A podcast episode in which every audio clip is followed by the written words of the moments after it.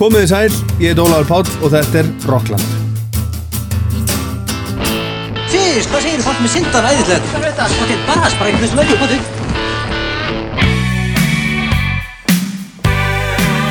Það er ekki nema sangjant að helmingurinn af andvirði miðana verði greittur aftur. Sanngjarnt er afstætt hugtak, Sigur. Er það ekki sangjant?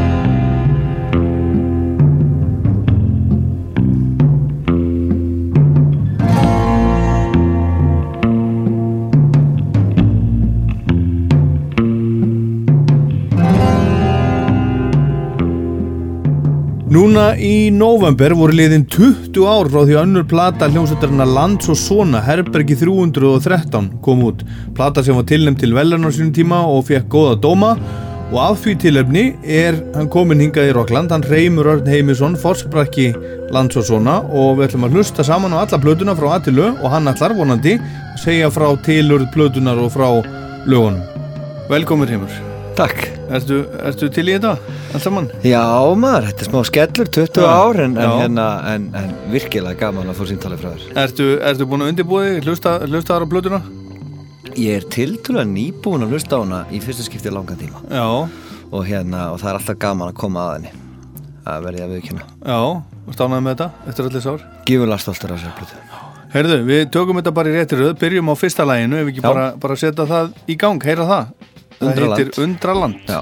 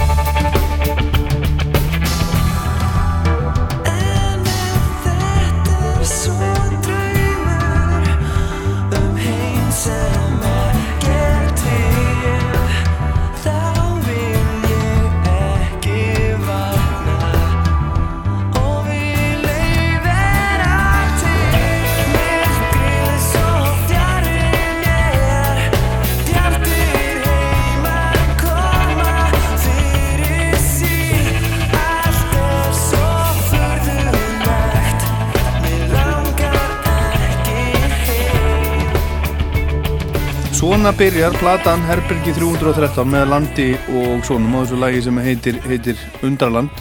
Hvað, eh, hvað getur þú sagt mér reymur um, um þetta lag og, og hvers vegna byrjar platan á þessu lagi? Uh, það var mikil reykistefna sem fór í gang þegar við áttum að fara að rafa lögunum niður á þessari plötu og hérna og það voru allir sammála um það að þetta erði líklegast fyrsta lagið vegna þess að það gæfi svolítið tónin af því Já. sem koma skildi og ég samti þetta lag eins og reyndar öll lögin á plötunni en hérna, Áttu öll lögin bara einn? Já. Uh, textanir, þeir hjálpuðu mig með textana í einhverjum lögunum strákanir, náttúrulega, Nonni og Gunni. Já, en, en öll lögin á ég og melodíunar en Undralandi, þetta, þetta lag er samið uh, hérna uh, kvikmyndin The Wedding Singer kom út og, og það er lag í myndinni sem að mér þykir afskaplega væntum enn þann dag sem að heitir hérna Let Me Grow Old With You sem Adam Sandler semur sjálfur. Já, já. Og hann notar svolítið skemmtilega ljómasamsetningu þar sem Já. að fer bara úr A upp í B-mól, upp í C-smól og upp í D. Þetta er svona bara gangur. Og mér fannst svo gaman að spila þetta lag og ég sagði, vá, það hlýtur að vera hægt að gera eitthvað meira úr þessum hljómum, þannig að ég bara söng minna eigin melodí úr þessu sömu hljóma. Og svo þegar kóri sem kemur, þá er það nákvæmlega eins nema hækkar um hildun Já, já. Og hérna, og það var gaman að snýða allt í kringum lagið og hérna og Mjalli heitinn, hljómbúsleikari hann hérna á skemmtinan leik á, á náttúrulega allar þessari blötu en sérstaklega í þessu lagi. Og og meiri segja ég fekk að njóta mín á kassagítarinn í, í nokkrum pörtum þannig að mér þykir eh, eins og náttúrulega um flest eh, þykir alskaplega vænt um þetta lag.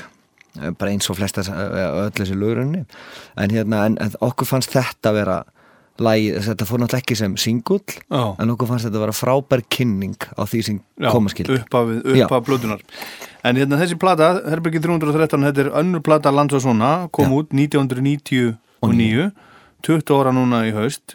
Fyrsta platan alveg eins og þú kom út bara árið undan 98 þar eru lög eins og vöðvastæltur og, og dreymir og, og fleiri sem að koma ykkur á korti við skulum aðeins hérna bakka bara eða hérna hvernig var þessi hljómsveit, hljómsveit til? Þið eru hérna frá Kolsvelli þú, og- Ég og Nonni. Nonni, Nonni Bassalegari sem er félagiðin en þetta í dag og þið eru að reyka saman fyrirtæki. Jú, jú, herra Jón, Her, það heitir Herra Jón. Hreimur Já. Jón. Já, já, já, já, þetta, þetta Hérna, hérna hvernig, hvernig byrjaði þetta? Þetta byrjar þannig að hérna 95 um áramótin að fæ ég símringingu hvort ég sé ekki til að hérna taka mér að vera söngvar í hljómsveit á áramótabæli á Kólsvelli þar sem ég hafði nú gert svona garðin þokkalega frægan á hérna einhverju hæfileika keppni þannig þegar ég var í tíundabekk og hérna það var bara pínu- 95, þá ertu hvað gamall? Eh, 95 er bara, þá er ég 17 Já, 16 að vera 17 þessi áramótabæli, já, 90 og, og hérna, já, fjögur yfir í 5 sem sagt og ég var náttúrulega uppnumin af því að hetjunar frá Kólsvelli þannig að stóru strákanir vildu fá mig sem, sem, voru hverjir? Sem, sem voru nonni Já, og Steini Albjörns, Þorstein Albjörnsson fyrsti trommarinn hjá okkur og hann var einmitt trommar, fyrsti trommarinn í Írafár til dæmis og hérna og þeir voru þarna og síðan var hann Átni Þór, vinnu minn hérna gítar og allt strákar, þetta er, þetta er allt strákar sem er verða runnit, sem er svona undanfærin að landi og svona já, já. frá Kólsvelli sko. síðan verður smá mannabreitingar en Ívar Þormarsson kom inn sem trommari og einsi bróðans átna mættur á hljómborðið og hérna og já, þannig verðum við til og eigum þessi fyrstu lög. Já, svo það er vöðvastæltur og, og, og vöðvasteltur og jólalægið. Já, vöðvasteltur áhyggjulaus og hérna og svo jólasinir já, já. Jólalægið. En svo bara hérna, já, svo slettist bara upp á hjá okkur strákunum Nú, nú, hvað, að- hvað var málið? við vildum óska Þó, þóttu þeim uh, þóttu þeim reymur vera og frekur eða eitthvað? Já, það var þannig? Það var pínu þannig en við vorum bókaðir sagt á sjallanum Akureyri annan í jólum. Já. og það vildu við fá þessa stráka og voru tilbúin að borga ansi myndalega fyrir band sem var nú bara með þrjúlu á bakinu. En þeir voru þarna einhverju sem vildi ekki fara vildi ekki fara yfir jólin. sem sagt, og fara til Ísafjörðar á áramótin. Og það fannst mér alveg glada og þá voru menn eitthvað ekki alveg tilbúinir í að fara þú veist svona all in í hennar bransa sko sumir. Þá skildu bara leiðir. Já, já. ég vildi fara all in, hinn er ekki. Og, og þú og nonnið haldið áfram? Við nonni höldum áfram. Og hérna það tóku þannig, já, þetta er sem sagt eh, 97 uh, höstið og hérna þá kemur svona ársfíla og síðan bara þegar það var búið þá verðum allir aftur frábæri vinnir og við erum náttúrulega saman í hljómsveit í dag sem heitir Meitin Sveitin Já, já, já. Sem eru náttúrulega upprunlega land og sinir Já, en þarna kom maður inn í bandi sagt uh, Gunni Gunnar Þór Eggertsson uh, og Biggi Nilsen sagt sem voru vinna og svo blóma. Já, og fyrsti hljómbóðsleikari lands og svona í nýjumyndinu og var hún uh, Dísela, Lárastóttir Já, sönguna, óperusönguna hún var með okkur og en, en hann skorti svolítið tjópsið á hérna á hljómborðið til þess að svona að púla að vera í stúdíónu í bandinu, hún var frábær það var svo gaman að vera með henni. Já, og náttúrulega frábær söngkona. Ég var náttúrulega geggju sönguna og það var svo gaman að hafa hana með. En það svona, voru svona smá hömlur á henni þegar komið í stúdíóið upp á Já. spilamennskuna og þá var, en við náttúrulega reyndum að fá njalla fyrst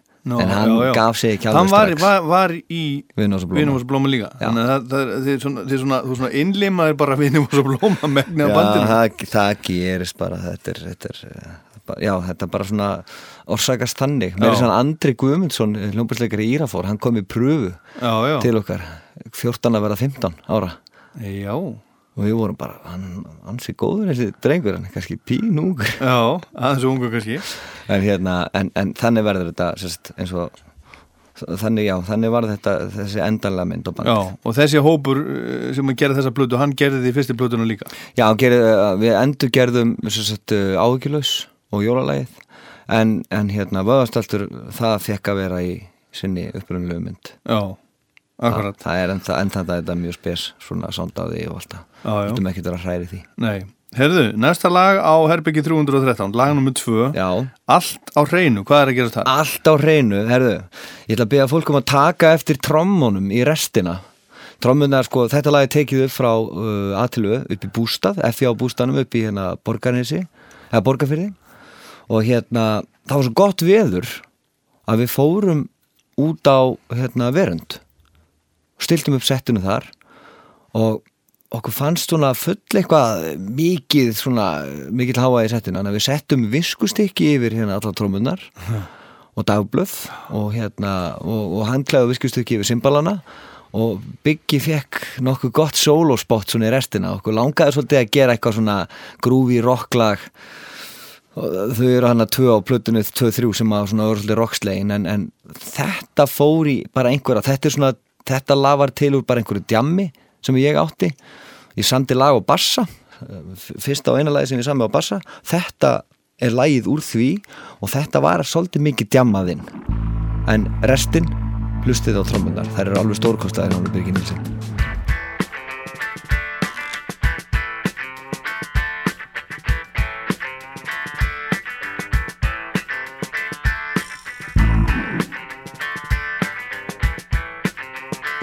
Ertu að hlusta? Hér er ég mm, Eitt góðan dag Ég sagðist ætla að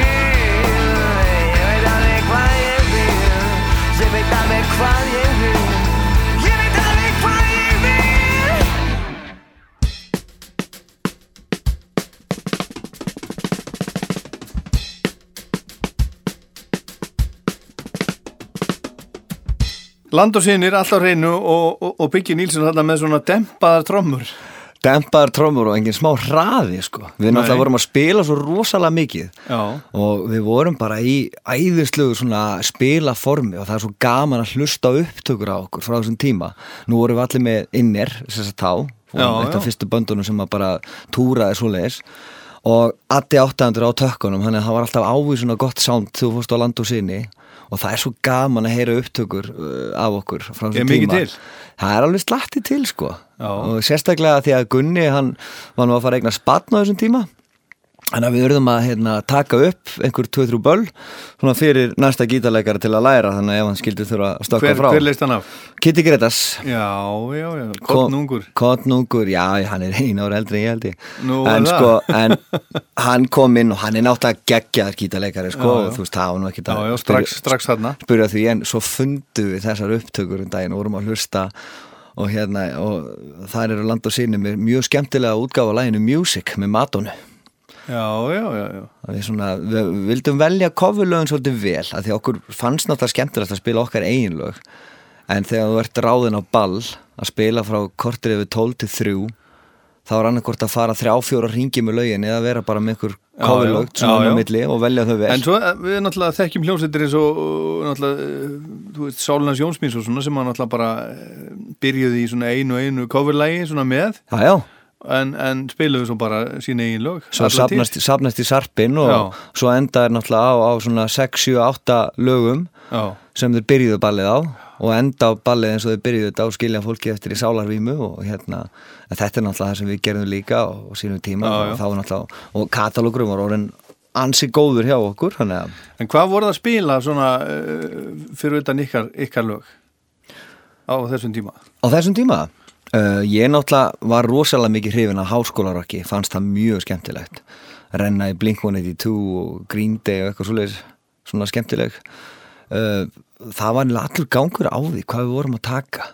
Við fundum prógram og hérna ég sá að það var Song 2 með Blur Já, Svo sáum við hérna Du hast með Ramstein Þá fór byggja af trommusettinu Gunni fór á settið og ég fór á já, og náttúrulega gífulegt playback hérna inni á milli og svo spiluðu við einhvern tíman Final Countdown eins og önnugalljómsitt hérna á Íslandi. Já, en hérna reyndu náttúrulega bara búið til stuð á stefningu það var nummer 1, 2 og 3 já.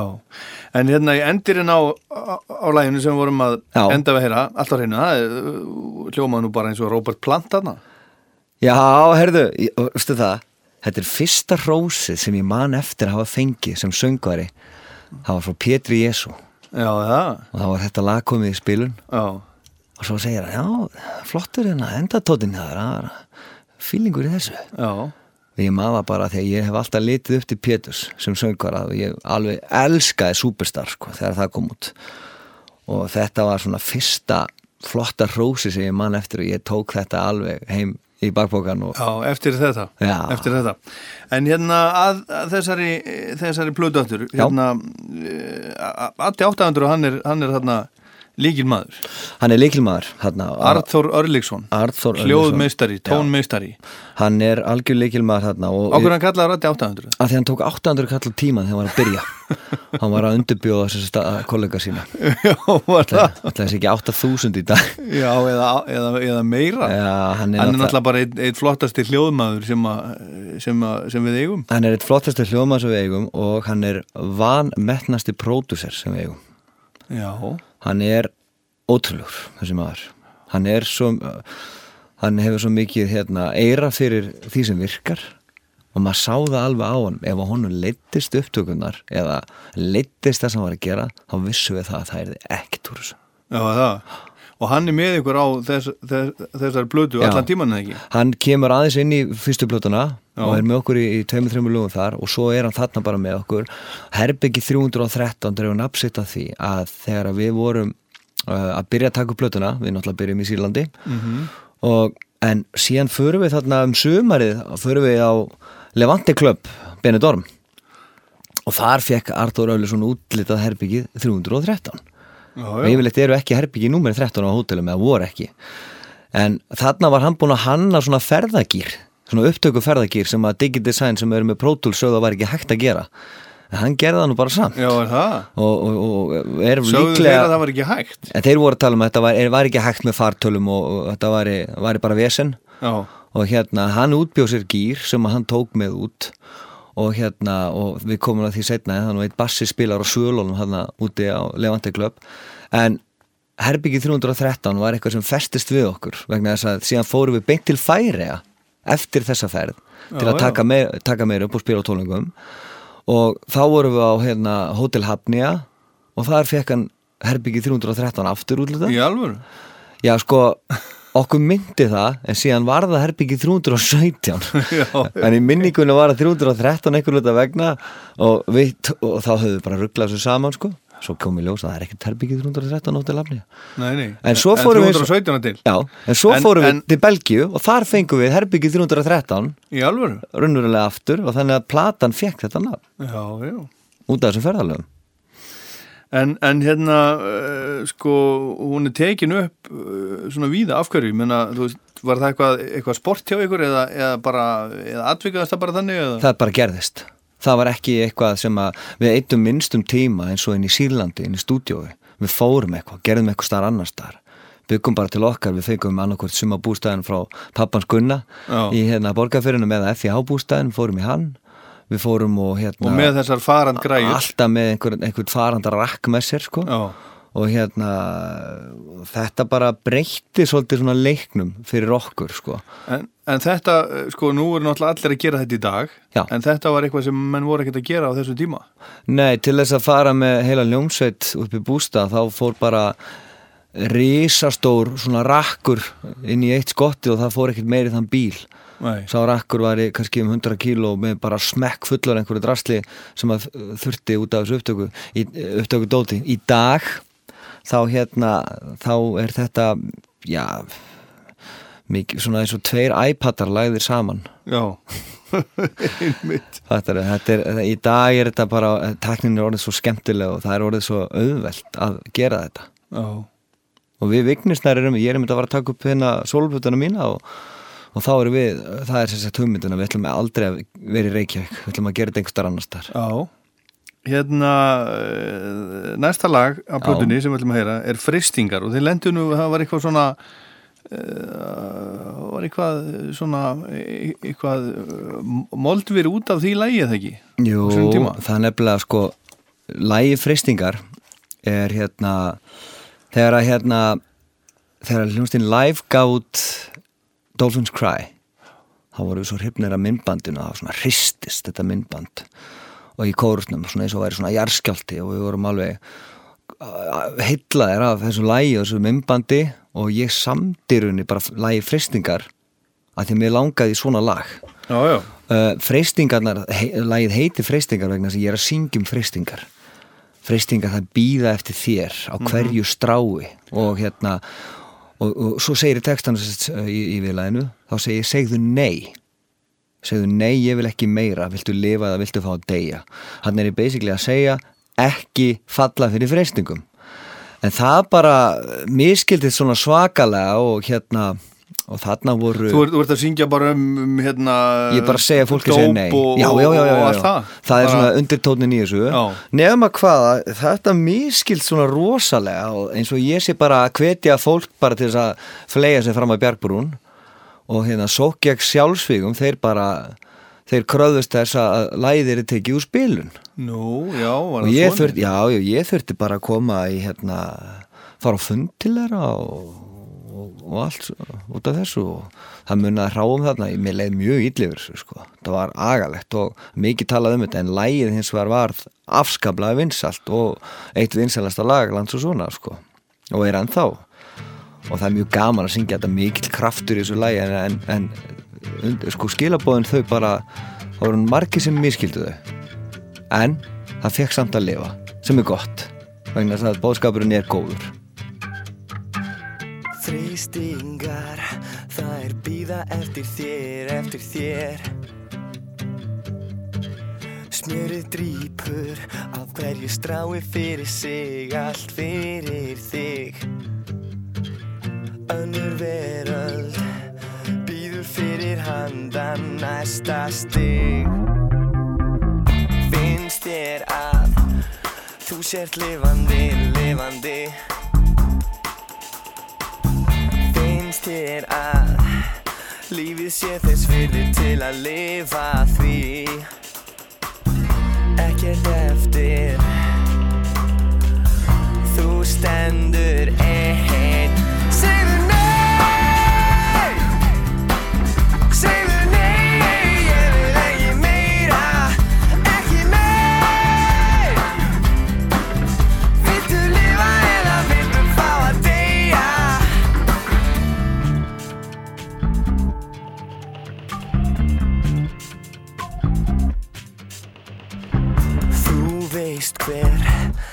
Sannleikurinn er hver Tilgangurinn er því spyr ég Veist þú hver Býður eftir þér Hver býður eftir þér Hver býður eftir þér Ekkert eftir.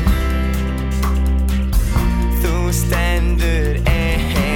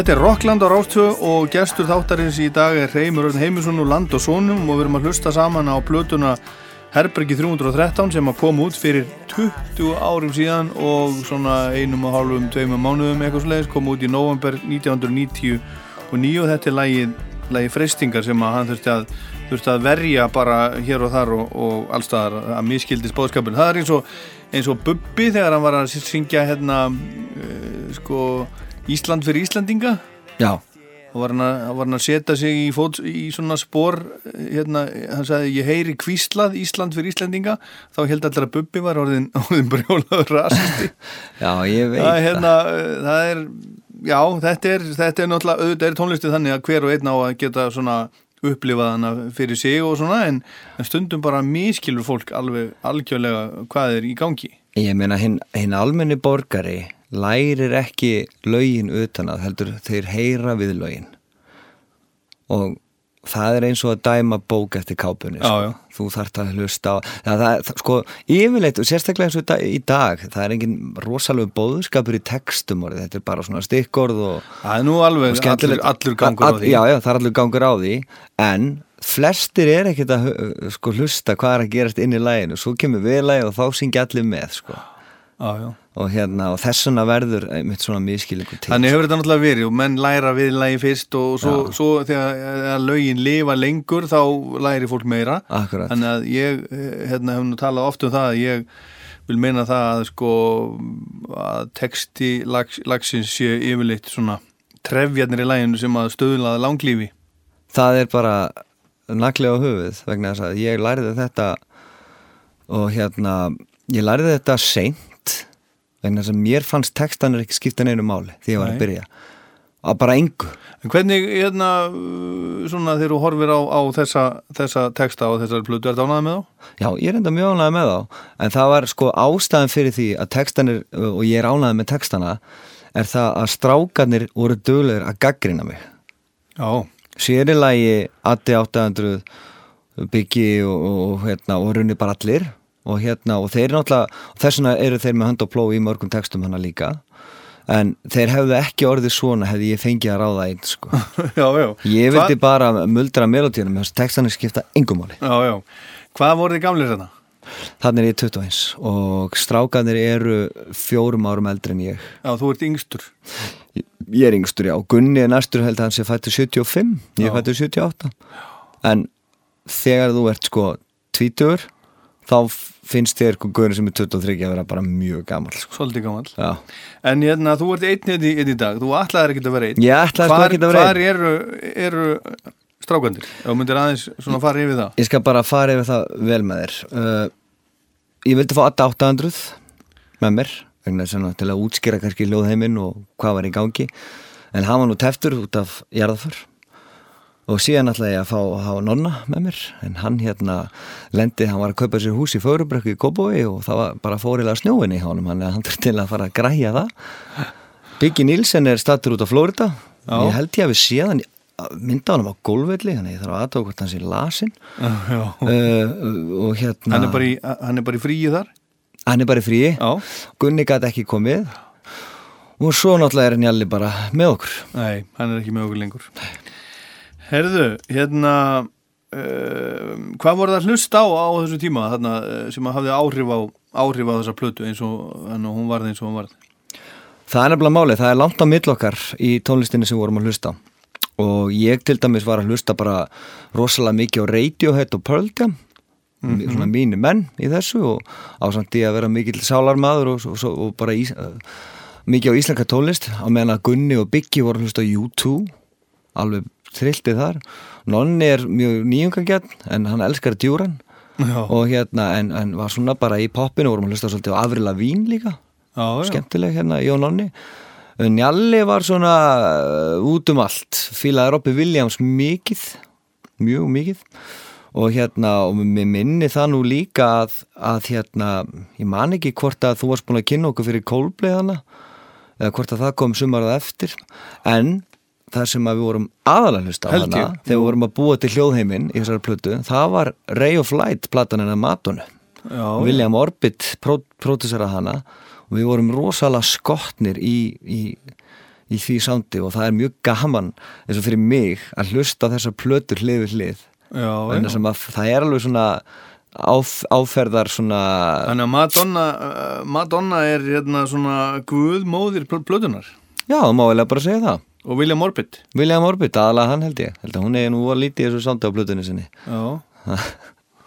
Já, hún hefur nú verið duglega við það, sko, hún hefur svona eins og margir góði listamenn, hún er duglega að fá svona rétta fólki til að vinna með sér. ég meina það skiptir ótrúlega miklu máli maður ætlar að halda sér ferskum líka að, við erum ekki alltaf með sama fólki í kringu sig Já. það er bara þannig En hvernig, þið, þið voruð opaslega mikið, mikið að spila á þessu tíma, þið voruð ofsalega vinsar hljómsett, voruð að spila út um allt en, en höfðu samt tíma til, til þess að, að taka upp. Og svo voruð þið, ger ég ráð fyrir einhverju vinnu líka eða, Nei, við gerðum bara þetta. Nú er það, Já. þið voru bara land og sinir. Við vorum bara land og sínir og frá 98 til bara 2001 þá vorum við bara að gera þetta. Gunni var eitthvað að rafvirkjast eitthvað með þessu uh, og Njalli hérna, hann nýtti sér uh, til góð samböndin sem við vorum búin að mynda við Vívilfell og Síman sambönd sem hann runni stopnaði til við áttum við góðu samstarfi með þessum tömmu fyrirtækjum. Vorum, vorum andlut Kók á Íslandi og hérna á Karlsberg og, og svo vorum við náttúrulega bara símamenn, GSM frelsi. Já, ég sá einmitt, ég var að, var að leita aðeins að hérna, einhverjum upplýsingum um ykkur á þessu tíma á plötun og þá komu hérna, það var auglýsinga frá símanum, það var ef þú keftir síma, Já, þá fyrstu uh, plötunni ykkar þessa með eða, eða á einhverjum uh, sértilbóði eða? Já, síminn keifti á okkur alveg, bönd, við gerðum í rauninni bara fimmlaga epiplötu árið 2000 með símanum, Já, já, tókum lagi frelsi? Já, við fórum bara ólinni þetta fínasta, fínasta fimmlaga epi sko. já. En, en er það ekkert svona uh, tröflaði það ekkert listamennin í ykkur að vera, vera svona, í svona, svona miklu samstarfi við ykkur fyrirtæki? Það tröflaði mig uh, þegar að koma að því að svona, þú veist, mér fannst stundum nóg að vera bara að fólk myndi vita að við varum í samstarfi. Mér fannst stundum ég vera að þurfa að selja mig aðeins svo mikið til þess að Já, þér, En við vorum, alveg, við vorum alveg company minded, þú veist, við vorum alveg að hjálpa til að auðvitað hérna gerðu það helling fyrir okkur líka. En hérna, nei, nei, þetta tröflaði mig ekki það mikið, sko. En ég man, það kom alveg stundir þar sem ég var alveg bara, ah, Já, ég meina nú er þetta sko, þetta er sama árið og Sigur og skifur út ágættis byrjun til dæmis. Já, við vorum í sama, við vorum sem sagt, uh, þegar þeir voru í Sílandi Já, að hérna, að byrja á sinniplötu, þá vorum við líka í Sílandi á, á, á vöktunum á móti. Við skiptum já, með okkur sólaringnum, Já, já. landa sinni og Sigurós, að í einhvern smá tíma þegar við vorum bara svona þess að vinna í þessu. Það var alltaf gaman að koma í stúdíóð eftir Sigurós, þá búið að snúa við öllum myndum og búið það? til einhver skrítin væp, alltaf einhver reykjelsislikt og eitthvað skemmtilegt. Tvær ólíkar hljónsittar að vinna á, sama tíma, þetta er svona þetta er virkilega skemmtilegu tími. Og þið voru náttúrulega, sko, þið, þið voru með svona, svona stimpil á ykkur, þið voru sveitabara hljómsveit. Já, Tröflaði það ykkur einhvern tímann?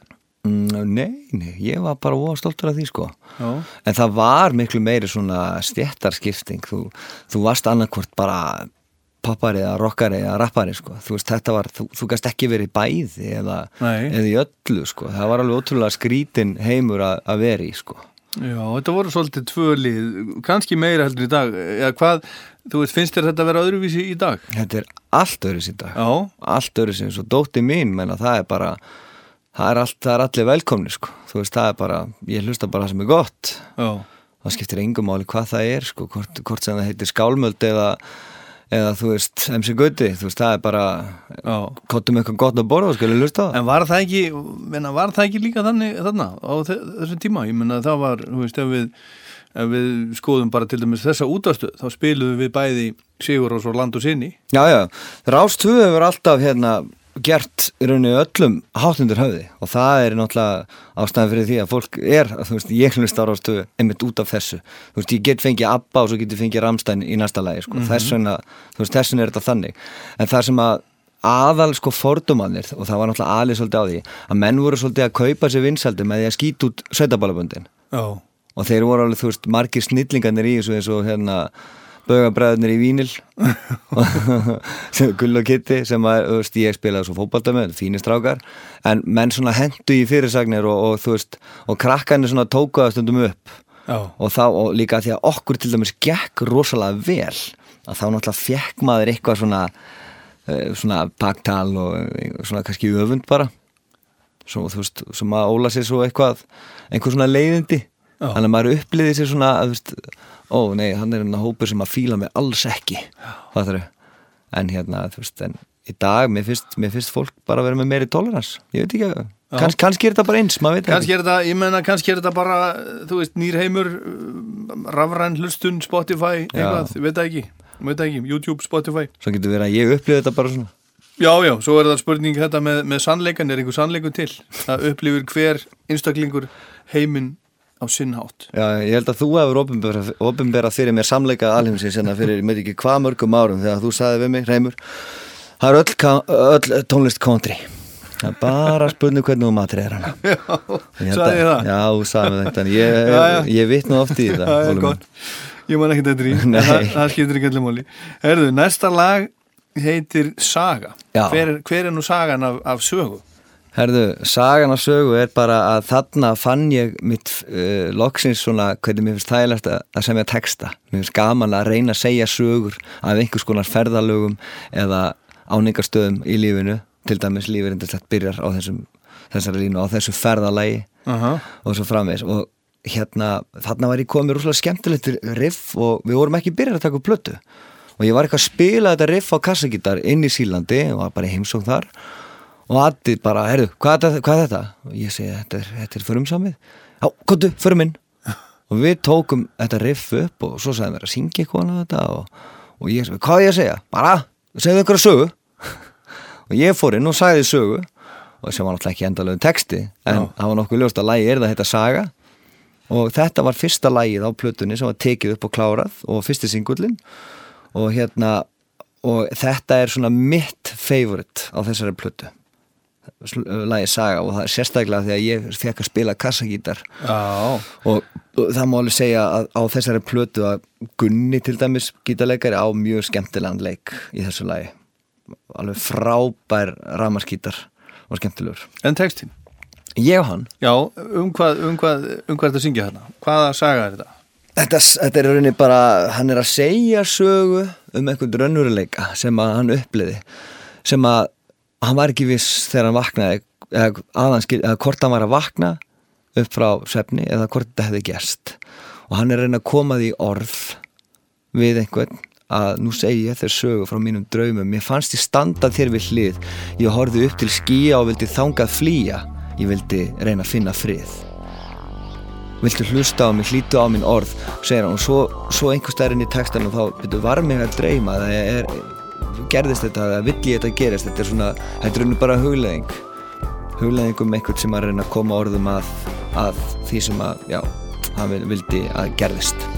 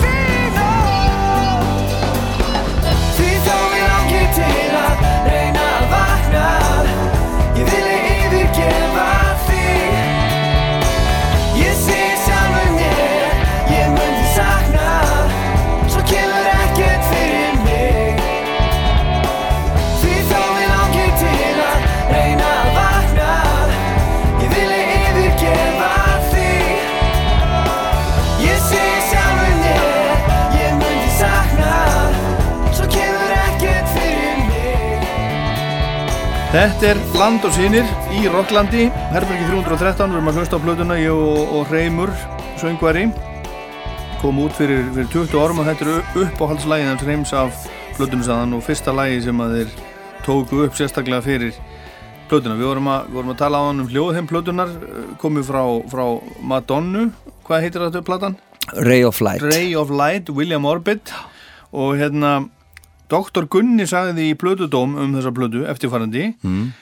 Hljóð, súpa, lands og svona á þessari plötu er gerð úr tærum gítar, effektalöðnum drömmurm, sterkum bassa, freyðandi hljóðgerlum, skemmtilegum aukaljóðum og þykkum fiðluveggjum. Það hefur greinilega verið leigið yfir sándinu og fæstir, flesti geta verið sammálum að platan sándar flott. Manstu eftir þessu? Já, heldur betur maður Voru ánað með þetta? Gaggri, Gaggrinin sem við fengum á fyrstu plötuna var náttúrulega svona pínu Ó, enn eitt sveita já, En fengum svona samt ára Tvö-þrjú löguna sem fengum alveg góðan svona. En ég gleymi aldrei hérna tónlistagaggrinni sem ég fekk frá Dóttori Gunna og Arnar Eggert Þórisson Ég var svo glaður, ég satt bara einn með sjálfum mér að lesa hérna, þessa rýni úr Devaf og Mokkanum og annað og bara, ég bara átti ekki til orð sko. Sko, Dr. Gunni á þessum tíma, hann var að skrifa í helgapóstinu ef maður er rétt og þá gaf hann stjörnur ef hann var ánaður, svo gaf hann hauskúpur ef, hann var- ekki ánaður og það var rosalegt. En, en voru þið lengi að, að gera þessa plötu? Uh, í- sko, í raun og veru ekki í raun og veru ekki við, við erum byrjaðar að gera þessa plötu bara strax sann í januar 99 Já. og við klárum þessa plötu náttúrulega 99 en þar sem við vorum ekki að gera neitt annað en að vera í hljónstinni land og sinir þá vorum við bara að spila um helgar og gátum gert þetta á, á til, bara öðrum dögum sko Já. þannig að það var, það var tildulega einfalt að gera þetta en það ferðiðist við mikið og fórum víða vorum að spila alveg eins og vittleysingar þetta sumari og sá þannig að frá lok mæ fram í miðan september þá voru allar helgar förstur og löðar Og, og, og voru þið með rútu? já? Bílstjóra og rótara og alla græjur? heldur betur og já sko? Rútu og Samuel Bjarki og Guðni Halldórs voru vídeostjórar hjá okkur voru með Matti Þorkils var rótari hjá okkur Magnús Helgi Kristjánsson ljósamaður Atti áttandur hljóðamaður og voru með fimmana krú sko. Já, já. Og, og, og uh, útgerðin hefur alveg þólað, þólað þetta. Þið, þið allir fimm, í- ekkert að vinna neitt annað og með, Sko, og með Vi, uh, við, krú með hef, við hefðum geta fengið mun meira útborgað. En, en það var alveg ljóst að en reynda kom vídeosjóðu ekki fyrir hann 2000 og, og hérna 1 og 2 en fram að því þá var alltaf sko uh, svona 99 þá ákveða að fara svolítið með bandi á svolítið annan stall. Skítamorall voru okkar svona aðal samkefnisaðalar í svona þessum, þessum baransa og sóldök þannig að við ákvaðum að fara ekki svo skítamorall og vera í svona í rifnu galabugsunum og því öllu. Heldur fórum við til Gunna í GK sem er núna aðal forsprakki Sycamore Tree. Akkurat.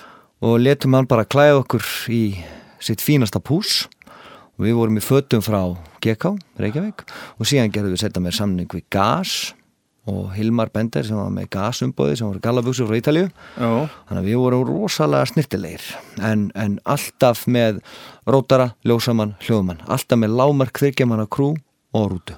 Uh Talandi um, um hérna gas, hérna Dr. Gunni sagði í sínum dómi að, að hérna sko Arnar Eggert var, var hrifin af umslæginu, sagði að platan mm, gæti eins og verið frá einhverju svona avantgard raf hljómsveit, Já, eitthvað svo leiðis en Dr. Gunni sagði í sínum dómi að, að umbúðuna væri silfurlitaðar og grá miklulegar og, og svo talar hann um að það hefði mátt sleppa gallabúksna auðlýsingunni já, heldur betur Mást eftir því? Já, já, er Það er hérna auðlýsing hérna, í- hérna í bæklínum Já, Blue já. Gas, Blue Jeans Já, já, hann. Var, hann var ekki sáttið við það En þetta var strax byrjað hann að þú veist, þeir uh, þú veist, við fengum náttúrulega ég kefti mér ekki föt í sko, þrjú, fjör ár ég kefti mér ekki ég kefti mér ekki gós eða bjór eða neitt í veist, mörg ár.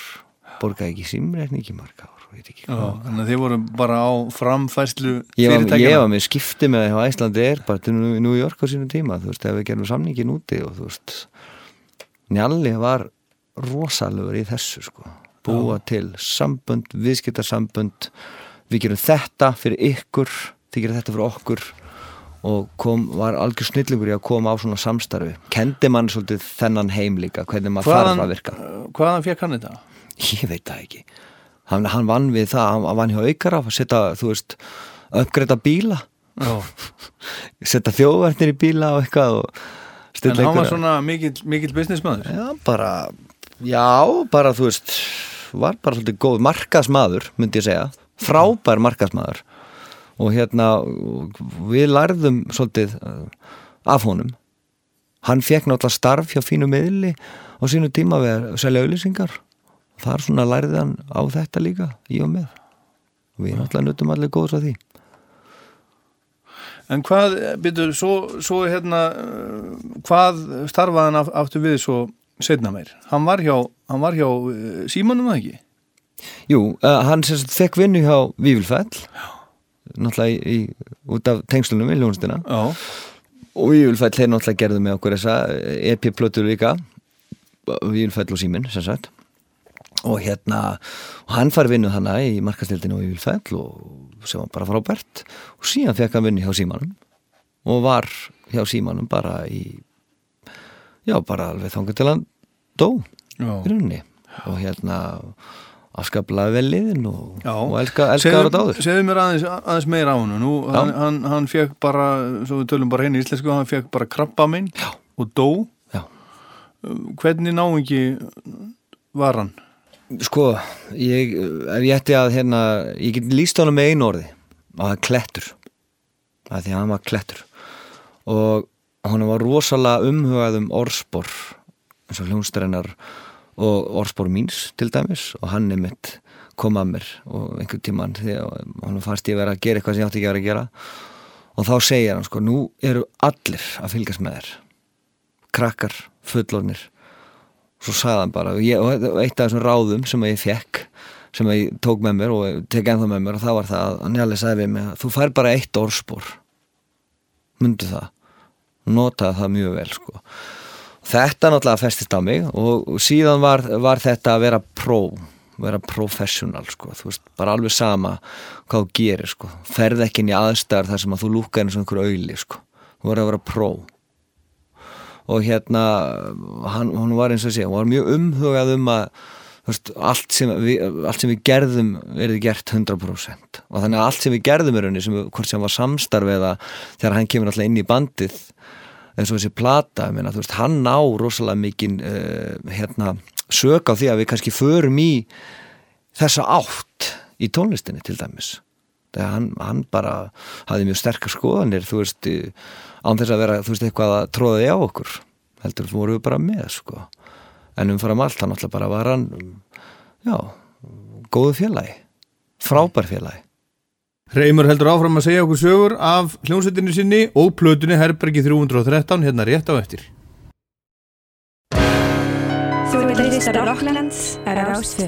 Já, það er Rockland, ég er Ólafur Páll og gestu þáttarins í dag er Reymur Örn Heimisson úr Landi og Sónum og við erum að hlusta saman á plötuna Herbergi 313 sem að koma út fyrir 20 árum síðan.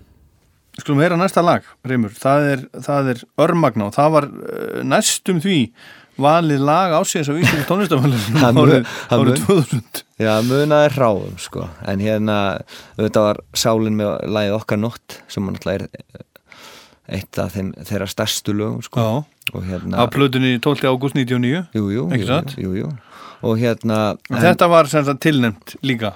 Þetta tilnefningu ársins. Já, já, tilnefningu og, og, og var til þess að ég hafa hvað sem söngvari ásins uh, eins og hjá hérna, FM á þeim í, í þeirra kategóri og var tilnefndið þessu söngvari ásins líka í, á Íslensku tónlistöðunum og ég var gífurlega stoltur og, og ánaður með þetta lag, þetta er með falleri lög kannski sem ég hef samið. En það sem að uh, gerði þetta lag að uh, svona þe þessum ópussan það er er uh, strengja útskriftin í laginu sem hann Samuel uh, Sami Jaguar Mm á.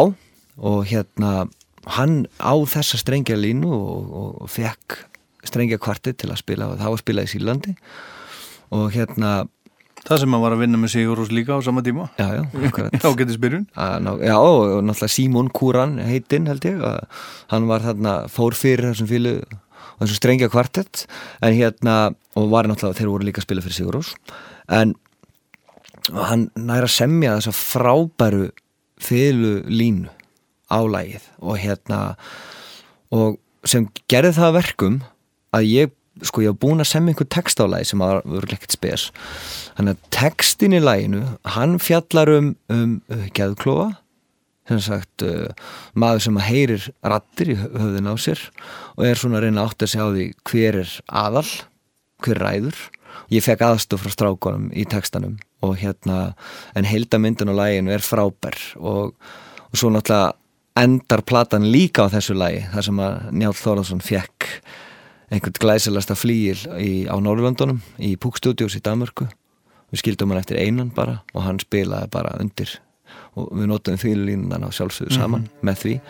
En hérna, en úrverður náttúrulega eitt glæsilasta lag sem að land og sínir tóku upp fyrir það síðar. Við heyrum það eftir, en nú skulum við heyra bara örmagna eins og það er á, á plötunni, lag nummer Fimm. 5 Sitt ég hér með sjálfum mér og heyr þér.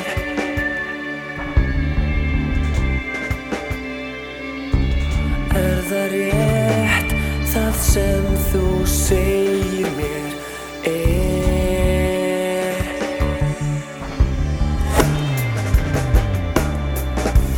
Finnst þér að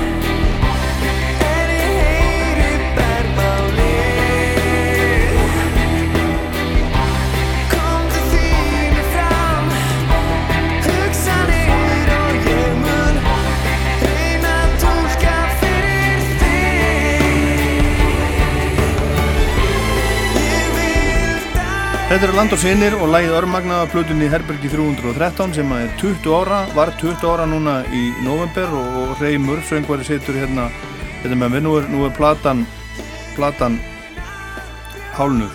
Við vorum að tala hérna áðan um, um dómana sem að, sem að platan fekk til dæmis hjá Arnar Eggert í Mokkanum og, og hjá Dr. Gunna.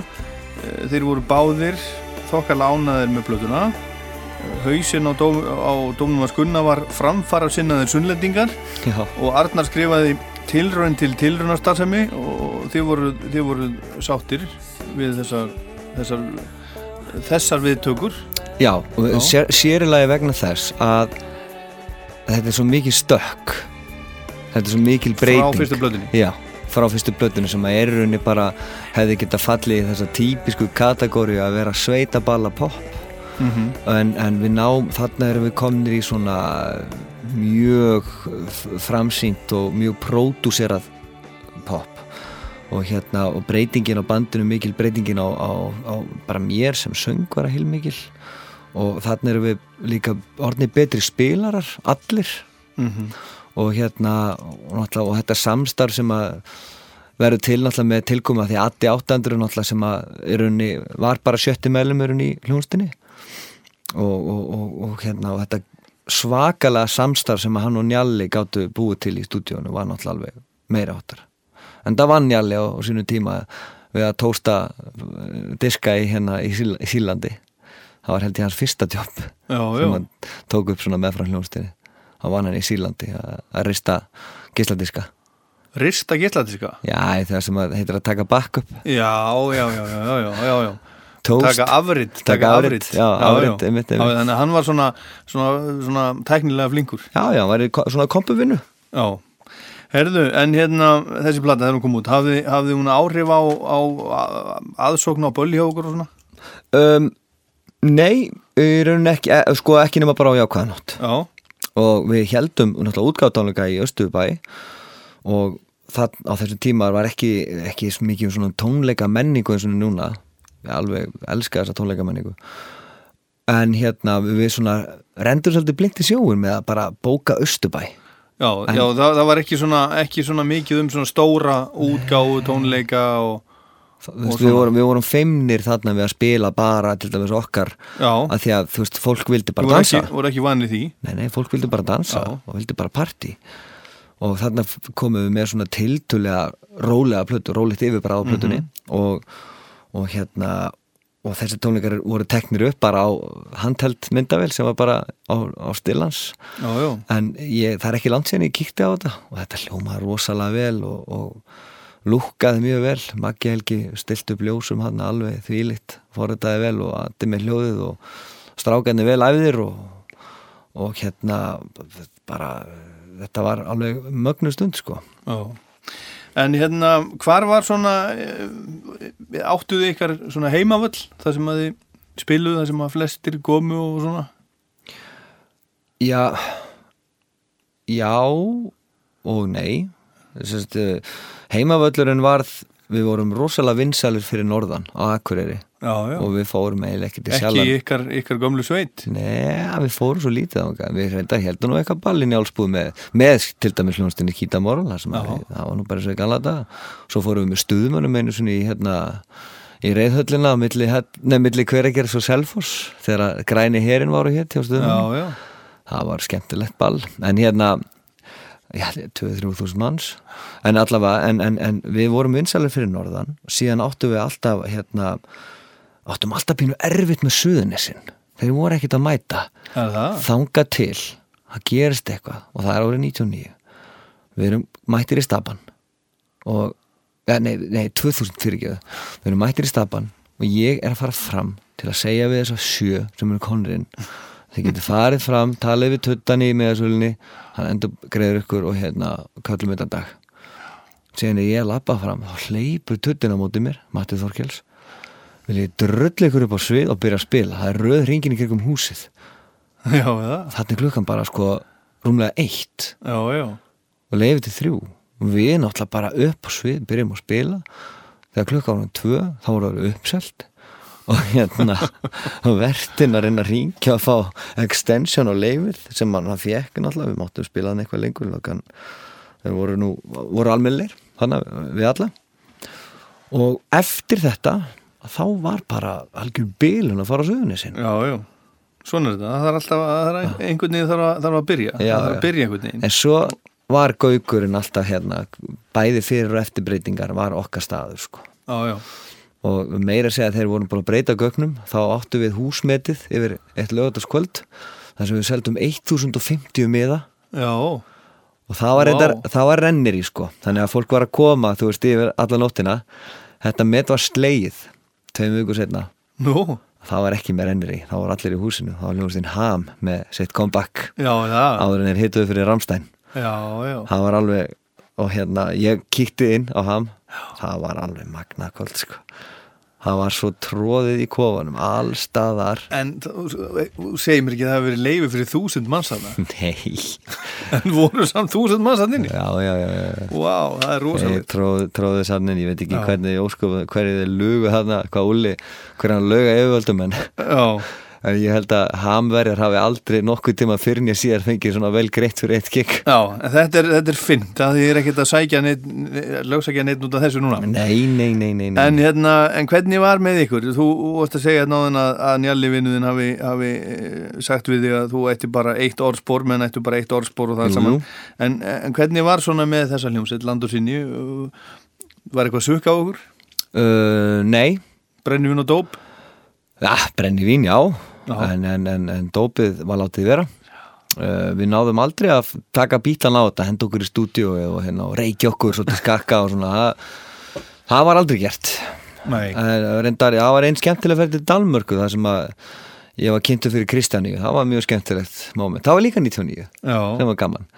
En hérna, en uh, nei það var eiginlega aldrei neitt við sem á okkur nei, sko. það hefur bara verið snirtilegir snirtilegir ungi menn og það var, og náttúrulega kemur náttúrulega til út af þessu sem við rættum með mitt áðan og það var það bara orðsporið, passa orðsporið ekkert kjaftaði og hérna einhverju upp, uppnönd okkur skátana okkur fannst það reyndar pínu svona, kannski aðeins svo mikið lagt en hérna en einhver síður þá, hérna, þá var það bara samt þannig að það var eiginlega ekkert bull á okkur. En það voru við sponsoraðir sko á sínu tíma voru með Miller bjór, Já, Bacardi og þeir bara sá um ykkur. Svo var Nóa Karlsberg og hérna það var eiginlega það sterkast sem, sem að fór í mann sko. En Já. hérna en, en hérna, náttúrulega mikið bókaðir og ég líka var þannig. Ef ég var að sukka mikið það bara fór Já. og plúsa að ég er ömulegu söngvari þegar ég er fullur. Ég myndi ekki einu sinni treysta mér í karaoke sko. Nei.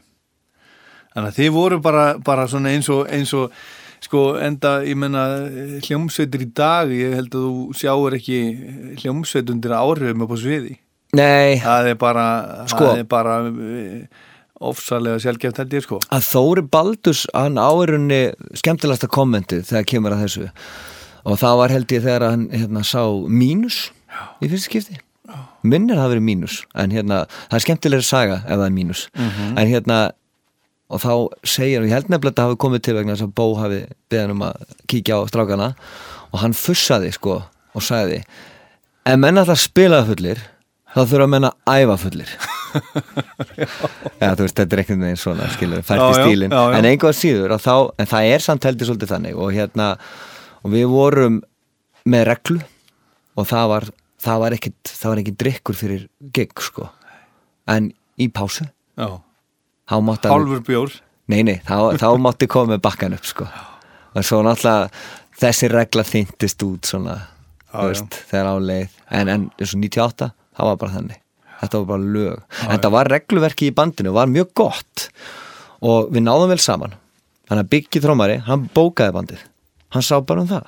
Fekk auka 10% til þess að borga símreikningin uh, Njalli sá um markasmálin sá um að halda okkur tengdum Nonni sá um fjármálin og við byggi, sá, nei við hérna Gunni sáum svolítið svona um að að prógrami væri fest og, og passa að hérna tökulögin að þau voru fín og flott og svona, þú veist, voru svona möndlast með þetta og svo ef að þurfti eitthvað að koma fram þar sem voru kannski bara tveir úr bandinu þá fóru við Gunni yfirleitt Já.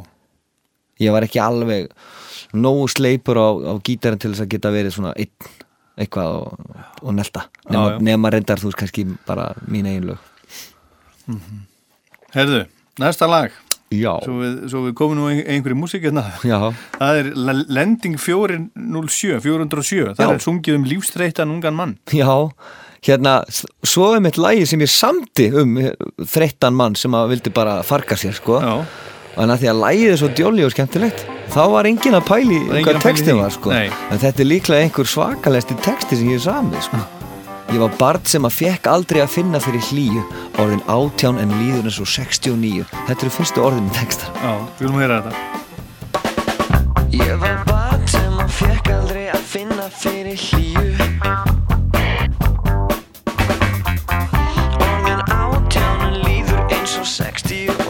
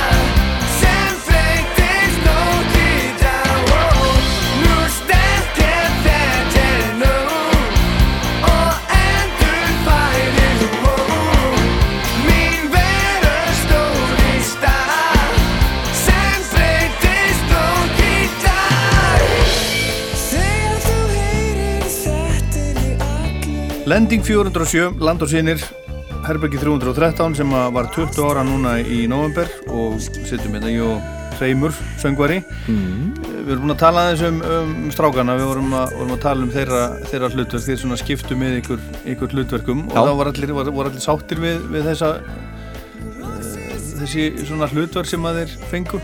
Já, já, þetta gekk bara mjög vel. Já, Okkur var vel til vinna og hérna kom ykkur alltaf vel saman Já, meira og minna. En maður fann stundum fyrir svona kergju hjá Vinnuvóks og Blómastrákunum. Nú, Já, já, þeir eru alltaf búin að vera í hljómsveit saman síðan 93, þarna sko. Já, Þannig að þú veist, auðvitað menn búin að upplefa ímislegt saman og, og enda samskiptin mega náttúrulega vera hispuslausari á mönnum sem að þekkast vel. Já.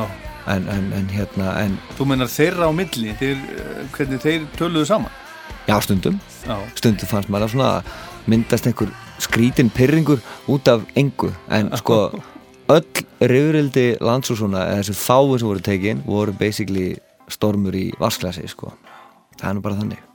Þannig að það er ekkert að, ekkert að búið til dramatíska bíómynd út úr, úr þeirri sögu. Nei, ég var, í, ég, ég var að grínast með um daginn. Ef, ef, að yrði gerð bíómynd eða leikrit eða skrifuð bók um sögu lands og svona hún gæti berið heitið næstum því Næstu því. Já, ég get útskýrt það Já. sko þó við höfum náð langt hérna heima og, og gekk vel og við bara gerðum í rauninni sigurðum allt sem við þurftum að sigra þannig séð á stöðum tíma en þá er í sögu lands og svona er svo margt sem var næstum því Já. skilur við, við fengum ekki lag ásins en það var næstum því. Já. við ætlum að vera með geðveikt vídeosjó í eigum 2002, vorum búin að koma með skjáin gera sjói klárt og mega flott. Það kom svo vond við það var ekki hægt. Næstum því. Við gerum mega samning við London Sire Warner Brothers fyrirtækið. Ég var á leiðinni út 11. september 2001 til þess að finna íbúð þar sem við ætlum að vera í í New York. Þar sem við vorum að fara að spila á State Tour áttum að fara að spila á fylgis svona tónleikaröð en þú veist þá náttúrulega komu riðverkin næstum því. Það er fullt, fullt af næstum því sögum sem að En, en hvað, ég menna, ok, eh, þú flögst ekki út 11. september 2001, Mm. en, en okkur, okkur ekki þá bara, þú veist, viku setna, hálfum mánuð setna, já, það var náttúrulega ekki byrjað að fljúa fyrir einhverjum mánuðu senna já, þetta. tæplega, en uh, hins vegar sko það sem gerðist í kjölfæra á því var náttúrulega bara við fengum annan séns. Við spilum fyrir Capitol Records út í LA og það munaði bara ráum að við erum sænaðir sko. En hérna það bara aðtökaðist þannig að það var ekki og, og svo svona hætti maður að, að því að við vorum búin að reyna svo mikið eða svo miklu tími í þetta og menn voru farinir að byrja að koma með börn og svona og menn áttu þessi á því þannig ef við ætlum að gera þetta alla leið þá erum við að vera þarna. Þýðir ekkert að vera þarna á Íslandi og gera þetta. Bara ekki hægt. Þú verður að vera á staðnum. Það er bara, það er ennþá og, þannig. og þannig að þið ákveðið að bara pakki vörn. Það er ekki fyrir út komin á stað eins og allir örvas sem er bara byrjar og búin að vera að semja miljón kvikmyndir og þætti og annað. Komið með þannig credibility að fólk þarf ekki að fara til hans. Þannig að hann flutti bara norður og getur gert þetta þar. En þú ert að byrja þá verður þú bara að vera á já. þannig að bara allir þeir tónlistamenn sem að er að hlusta eða ætla að ná langt úti frá flott. En þá þarfstu líka að flytja þangað Mhm. það er bara þannig. Herðu, næsta lag, eitthvað nýtt? Já. Þetta kemur uh, listamanna lagið á plötunni. Og ákvæm að vera svolítið þungir. Sömdum textanum hérna mann sem að telur sig vera að sjá framliðina personum og það er ekki langt síðan að Doddi litli sendið mér skilabóð Hvað, er þetta nýtt? Hvenær kom þetta út? Ég segi 99 Ha?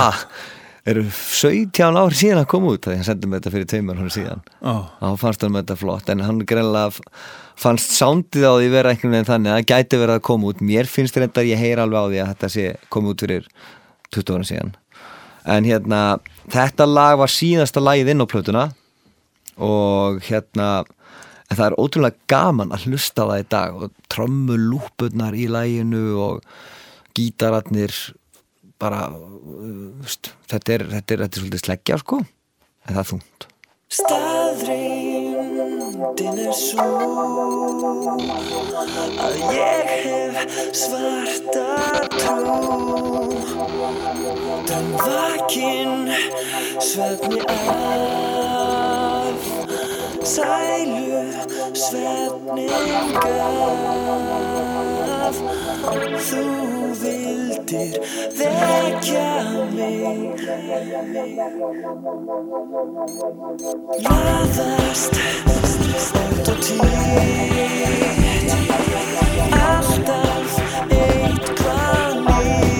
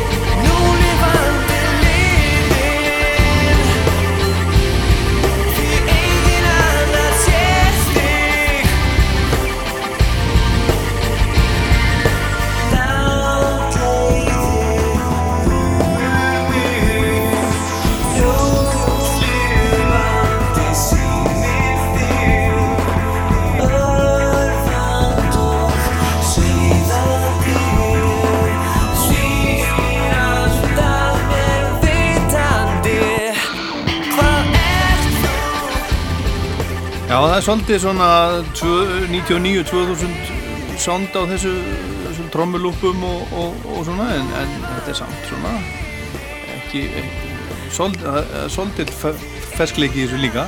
Já, Land á sinir hérna, eitthvað nýtt af blöðunni Herbergi 313 hérna þessi plata, hún komst á topp 10 yfir bestu íslensku plöðunar í DFF um áramóti 99-2000 Já, hérna uh, Sigur Rós var, að- var á topnum þetta, er sem sagt íslenskir tónlistagaggrinendur sem að voru látnir uh, setja í fyrsta til fymta sæti sínum upp á hans blöðum eftir árið og svo var það, tekið saman og búin til svona topp 10 listi.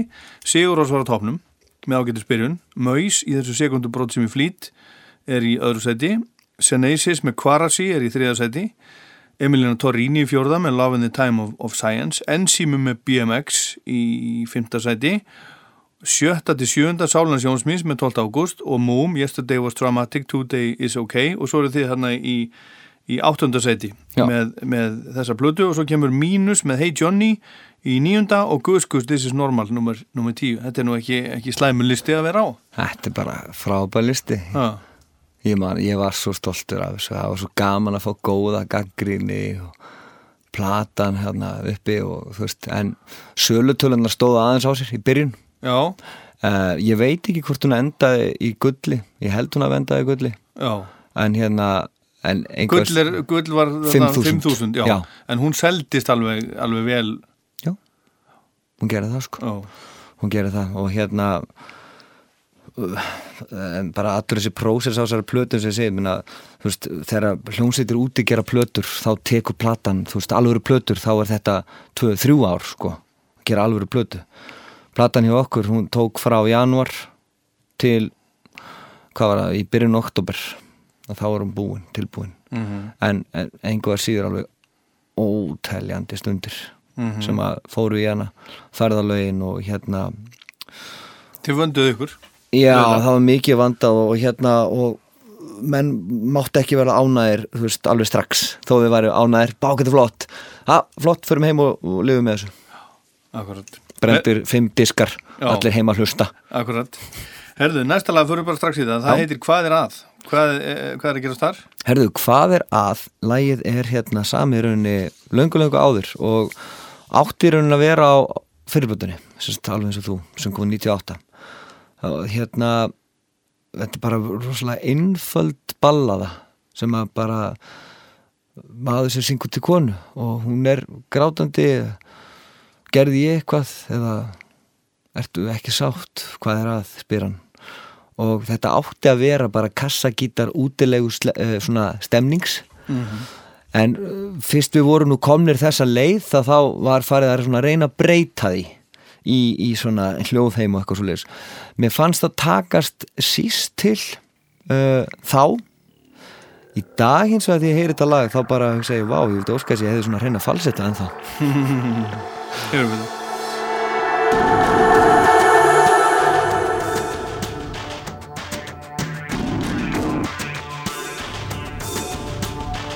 Segðu mér Hvernig ég hjálpa Segðu mér Hvað gerði ég rámt Hvað gerist nú?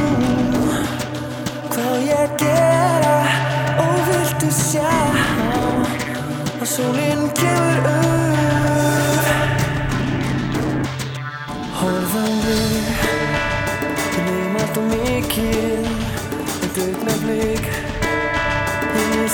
mist af þér Hvað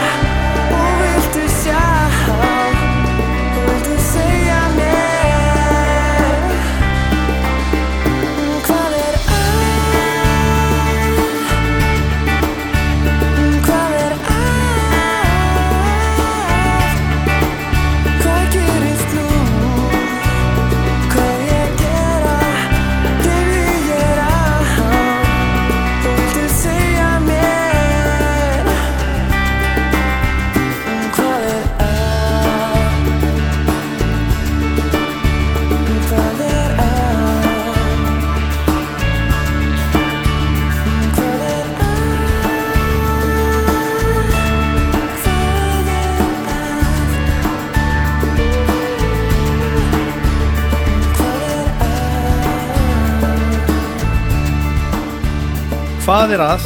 Syngur Reymur hérna uh, Sko, þú varst að tala á þann um að þið hafi komist þarna á samning við, við Warner Brothers fyrst. Já, já, já, já. Hvernig, hvernig gerðist það? Það var, það var út frá þessari blötu þengi Það er útráð þessari blötu og þarna er Njalli með þetta vinn í Sýrlandi og ennu aftur er Njalli svona pínu örlaga valdur með sögu hljónstærinar og það er hérna pródusir að vinna með henni Svölu Já, og hérna Jive, Jones.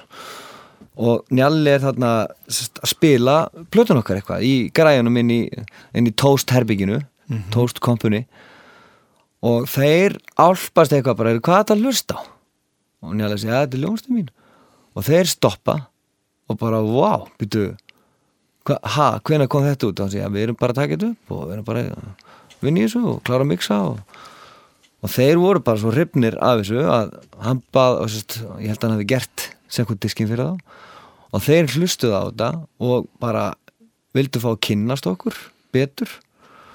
Og úrvarð að hérna þeir fóru með okkur í, í svona smá páskatúr. Vorum að spila á grundarfyrði í félagsheimilinu þar. Þeir komum með okkur þákað fengu að sjá íslenska partíð í öllu sínu veldi og urðu bara ástofanir af bandina þegar bandina alltaf var velspilandi og þeir vissu það þarna. Þarna voruðu með eitthvað í höndunum að því að sko Amerikanin þarf að fá uh, sín pop idol. Þeir voru hrifnir að hvernig lúki á mér var og lúki á bandinu. Og hérna bandið einstaklega þétt og gott með talenta sem geta samið og fannst svona við hafa allan pakkan. Og það verður úr svona auka samband þannig hann fer út með einhver lög sem við söndur saman og kemur með þau tilbaka og svo bara sem að þið sömdu með honum? Já, við, og hann söndum saman Já, já. þrjú lög. Já, og hérna í þessari verð svo bara fer hann út og kemur tilbaka einhverjum tveimur, þreimur mánuðum setna með þrjú tilbúin lög. Sem er lit bandið sitt þar sem hann er búin að basically taka okkur og pródúsera okkur í í hérna svona háskóla rock farveg Já, já. þannig að þeir eru ástofnir á hljónstinni sem spilaði herbyggi 313 Aha. en ákvaðu samt að breyta okkur í svona veist, fjölda framleitt já. háskóla rock. Þannig að þeir vildu að þið væru þannig? Já, já, já. Já, en þe- að því að bandið var náttúrulega mjög gott og Mhm. velspílandi og svona og þá hérna en, en, en þetta, þetta leiði til þess að við gerum hennan risa samning við London Sæjar fengum 350.000 dollara til að búa til einu blödu þið fengu það? Já. og fengu það sér þetta afhend Já, bara það var náttúrulega skífan við vorum á samningi á þeim náttúrulega og, og hérna, en fyrsta platan það var bara 350.000 dollara og svo náttúrulega gerð fjárrags áallun þú veist, platan þarf að kosta, þú veist, 200.000 og það er gerð vídeo og það er gerð hitt og þetta. Og hérna það, öllum þessum pening var nú eitt í hitt og þetta bara. Já, og, og þið gerðu blötuna eh, hérna, happy endings? Já, við kláruðum blötuna Já, þráttur er að hérna að þessar hörmungar hefðu nú dönið yfir og svo að því að hún var tilbúin það ákvað að gefa hann út. Já hún var, en hún var bara gefin út á Íslandi þegar ekki? Jú, við gefum út á Íslandi. Fengum pínu bátt fyrir að því að við sungum á ennsku og hvað er þið eitthvað að reyna og eitthvað svona sko en þetta var hann á ennsku af því að hún var náttúrulega bara að hugsa fyrir Amerikumarkað og það var ekkert verið að þú veist, snúa öllum textunum á íslensku og fara að byrja að ákvæða bara að lefa fólki að heyra hvað vorum að gera. Þetta var næstu því. Næstu því, Það er, það er annar þáttur. Það er annað þáttur. Næsta lag sem við heyrum heitir Stríð Já. Þarna að því að við náttúrulega erum búin að vera svo lengi í bransanum að mér fannst tvö ár. Já, já. Þá varst mér ég búin að sjá allt og reyna allt og gera allt og ákvað að vera uh, mikið listamar og þannig sömdu við um, um stríð og hérna það konsept og gerðum hann stórt og mikið lag og uh, náttúrulega hljónstinn Manic Street Preachers frá Wales þeir voru þarna með If you tolerate this then your children will be next.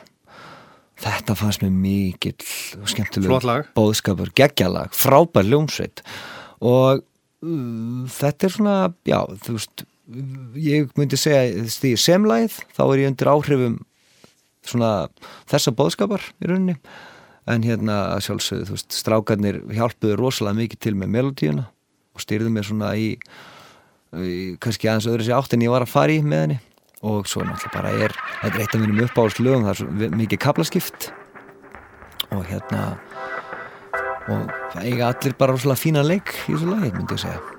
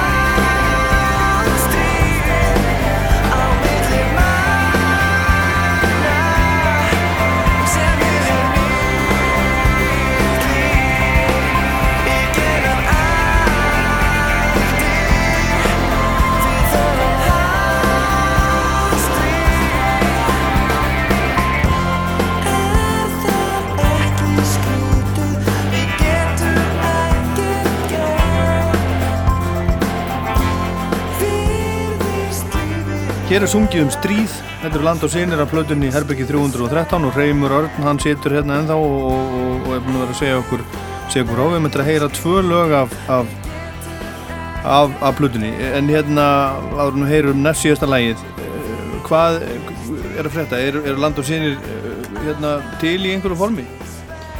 Náttúrulega, sko, hljómsveitir eiga aldrei að hætta. Ég líti ekki á sem að líti ekki svo á að, að land og sinni séu hættir það er neitt svo leiðis en það er samt þannig að, að hérna það var fyrir mig og ég náttúrulega bara tala fyrir okkur alla mikið högg að missa hann í alla. Og við ætluðum okkur að stíga og stokk. Og hérna Hvenær? eh, 2018 sum sumarið. Og vorum búin að plana stóra, eða ekki stóra tónleika en skemmtilega tónleika Har- í Hardrock-kjallaranum sem átt að taka upp og, og, og ætlum svona bara svona fara yfir farin veg en hérna og, og hann kveður okkur þarna akkurat á þessum tíma og, og Ætlaði hann sér að vera með? já, já, það var planið sko Já, já. og hann var, tók fullan þátt í skipulagningunni og, en svo rakaði hann svo hratt að hérna að við sáum bara fram á það þetta er ekki, hann að við settum þetta bara á, á ís og en Jalli náttúrulega var ekki bara í landasónum, hann var í Soldök líka uh, mörg ár hann var náttúrulega í vinn á svo blóma þannig að það eru þrjár hljónsettir sem að svona, hann skildi eftir skarði og hvort sem að við gerum eitthvað land og sínir saman einhver tíman eða með þessum hljónsettum til að minnast hans eða bara hreinlega til alltaf tónleika. Uh, ég skal ég láta ósagt hérna en, en vonandi eigum við veist, vonandi bókum við eldborg einhver tíman og, hérna og hendum í lands og svona tónleika. Við sjáum til hérna ég, ma maður finnur það stundum þegar að veist, tíminn er réttur. Þarna fannst mér tíminn vera réttur en, en svo bara Var bara, var bara tíminn ekki með ykkur? Nei, hann var ekki með því miður nákvæmlega. En hérna, við sjáum til. En landasínur er ekki hætti, nei. Nei. Herðu, næst síðasta læg á plötunni heitir Fordómar. Herðu, já, þetta er hérna, eitt af mínum uppáðslöfum á plötunni og fyrir mér er þetta lag þetta lag er svolítið platan. Þarna eru þarna eiga allir rosalega skemmtinan leik og bassin í þessu lagi hann er tekin upp á svölunum á Levante Club á Benidorm.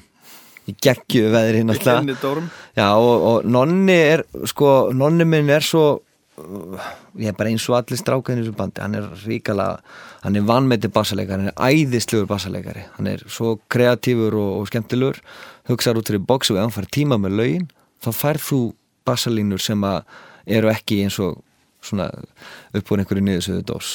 Og hérna, lægið fordómar er uh, bara jákvæður bóðskapur og við hefum ekki að sína og ekki að vera bera fordama í brjóstokkar og vera opin, opin fyrir öllu í rauninni. Og hérna og lægið sjálf bara kablaskipt og skemmtilegt. Við fengum hérna ásuninu Pétursdóttir til að dansa magadans og útgáða tónleikunum í þessu lægi þetta voru svo svakalega hérna svona austulenskir í, í hérna í hugsun akkurat þannig en, en þetta lag kristallar upp þessa plötu fyrir mig. Bæði í sándlega séð og, og, og melodílega séð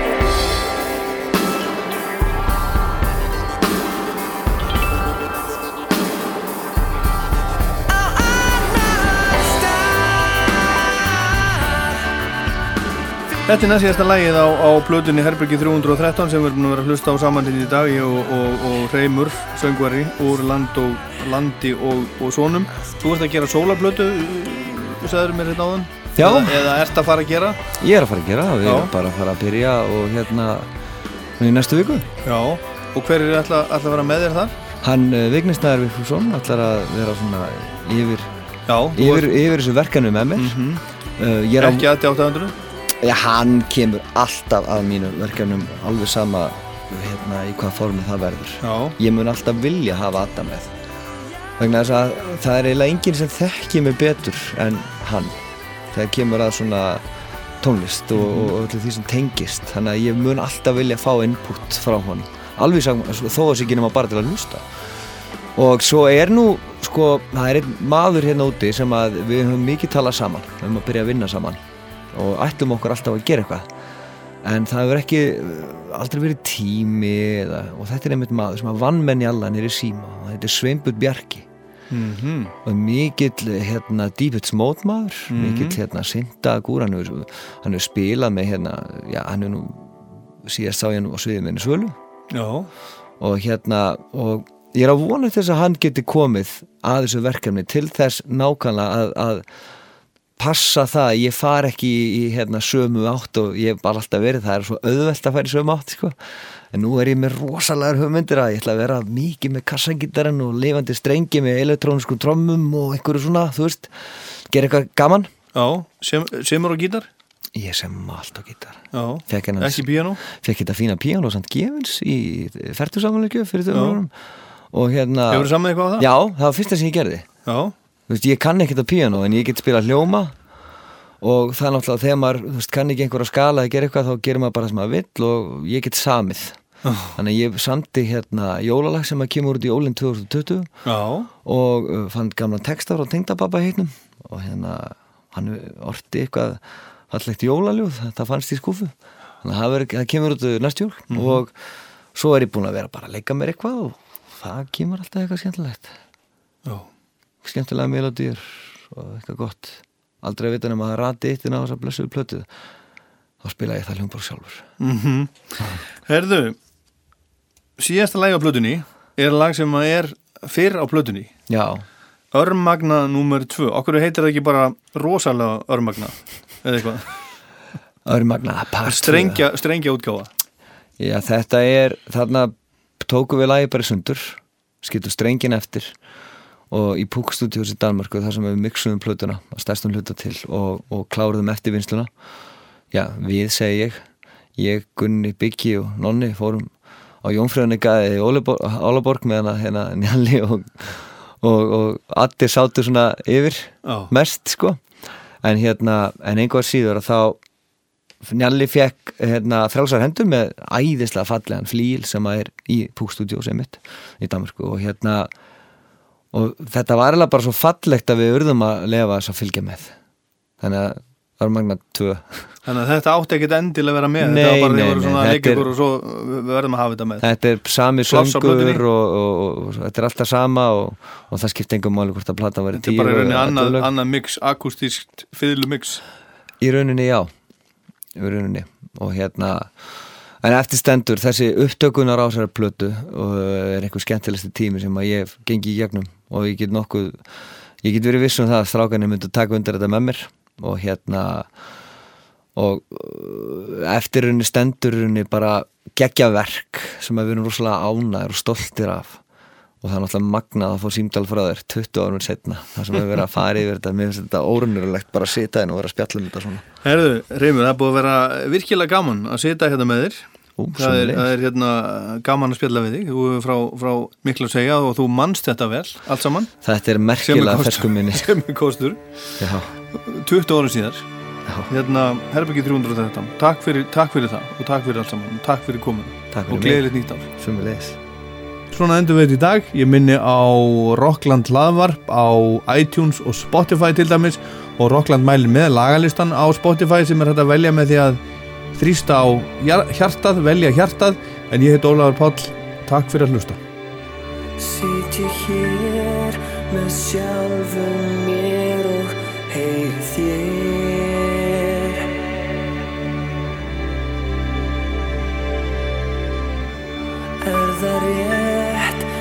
sem þú segir mér er.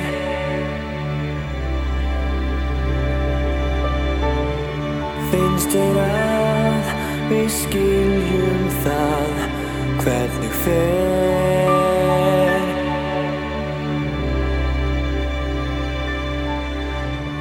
Ég og þú við erum saman.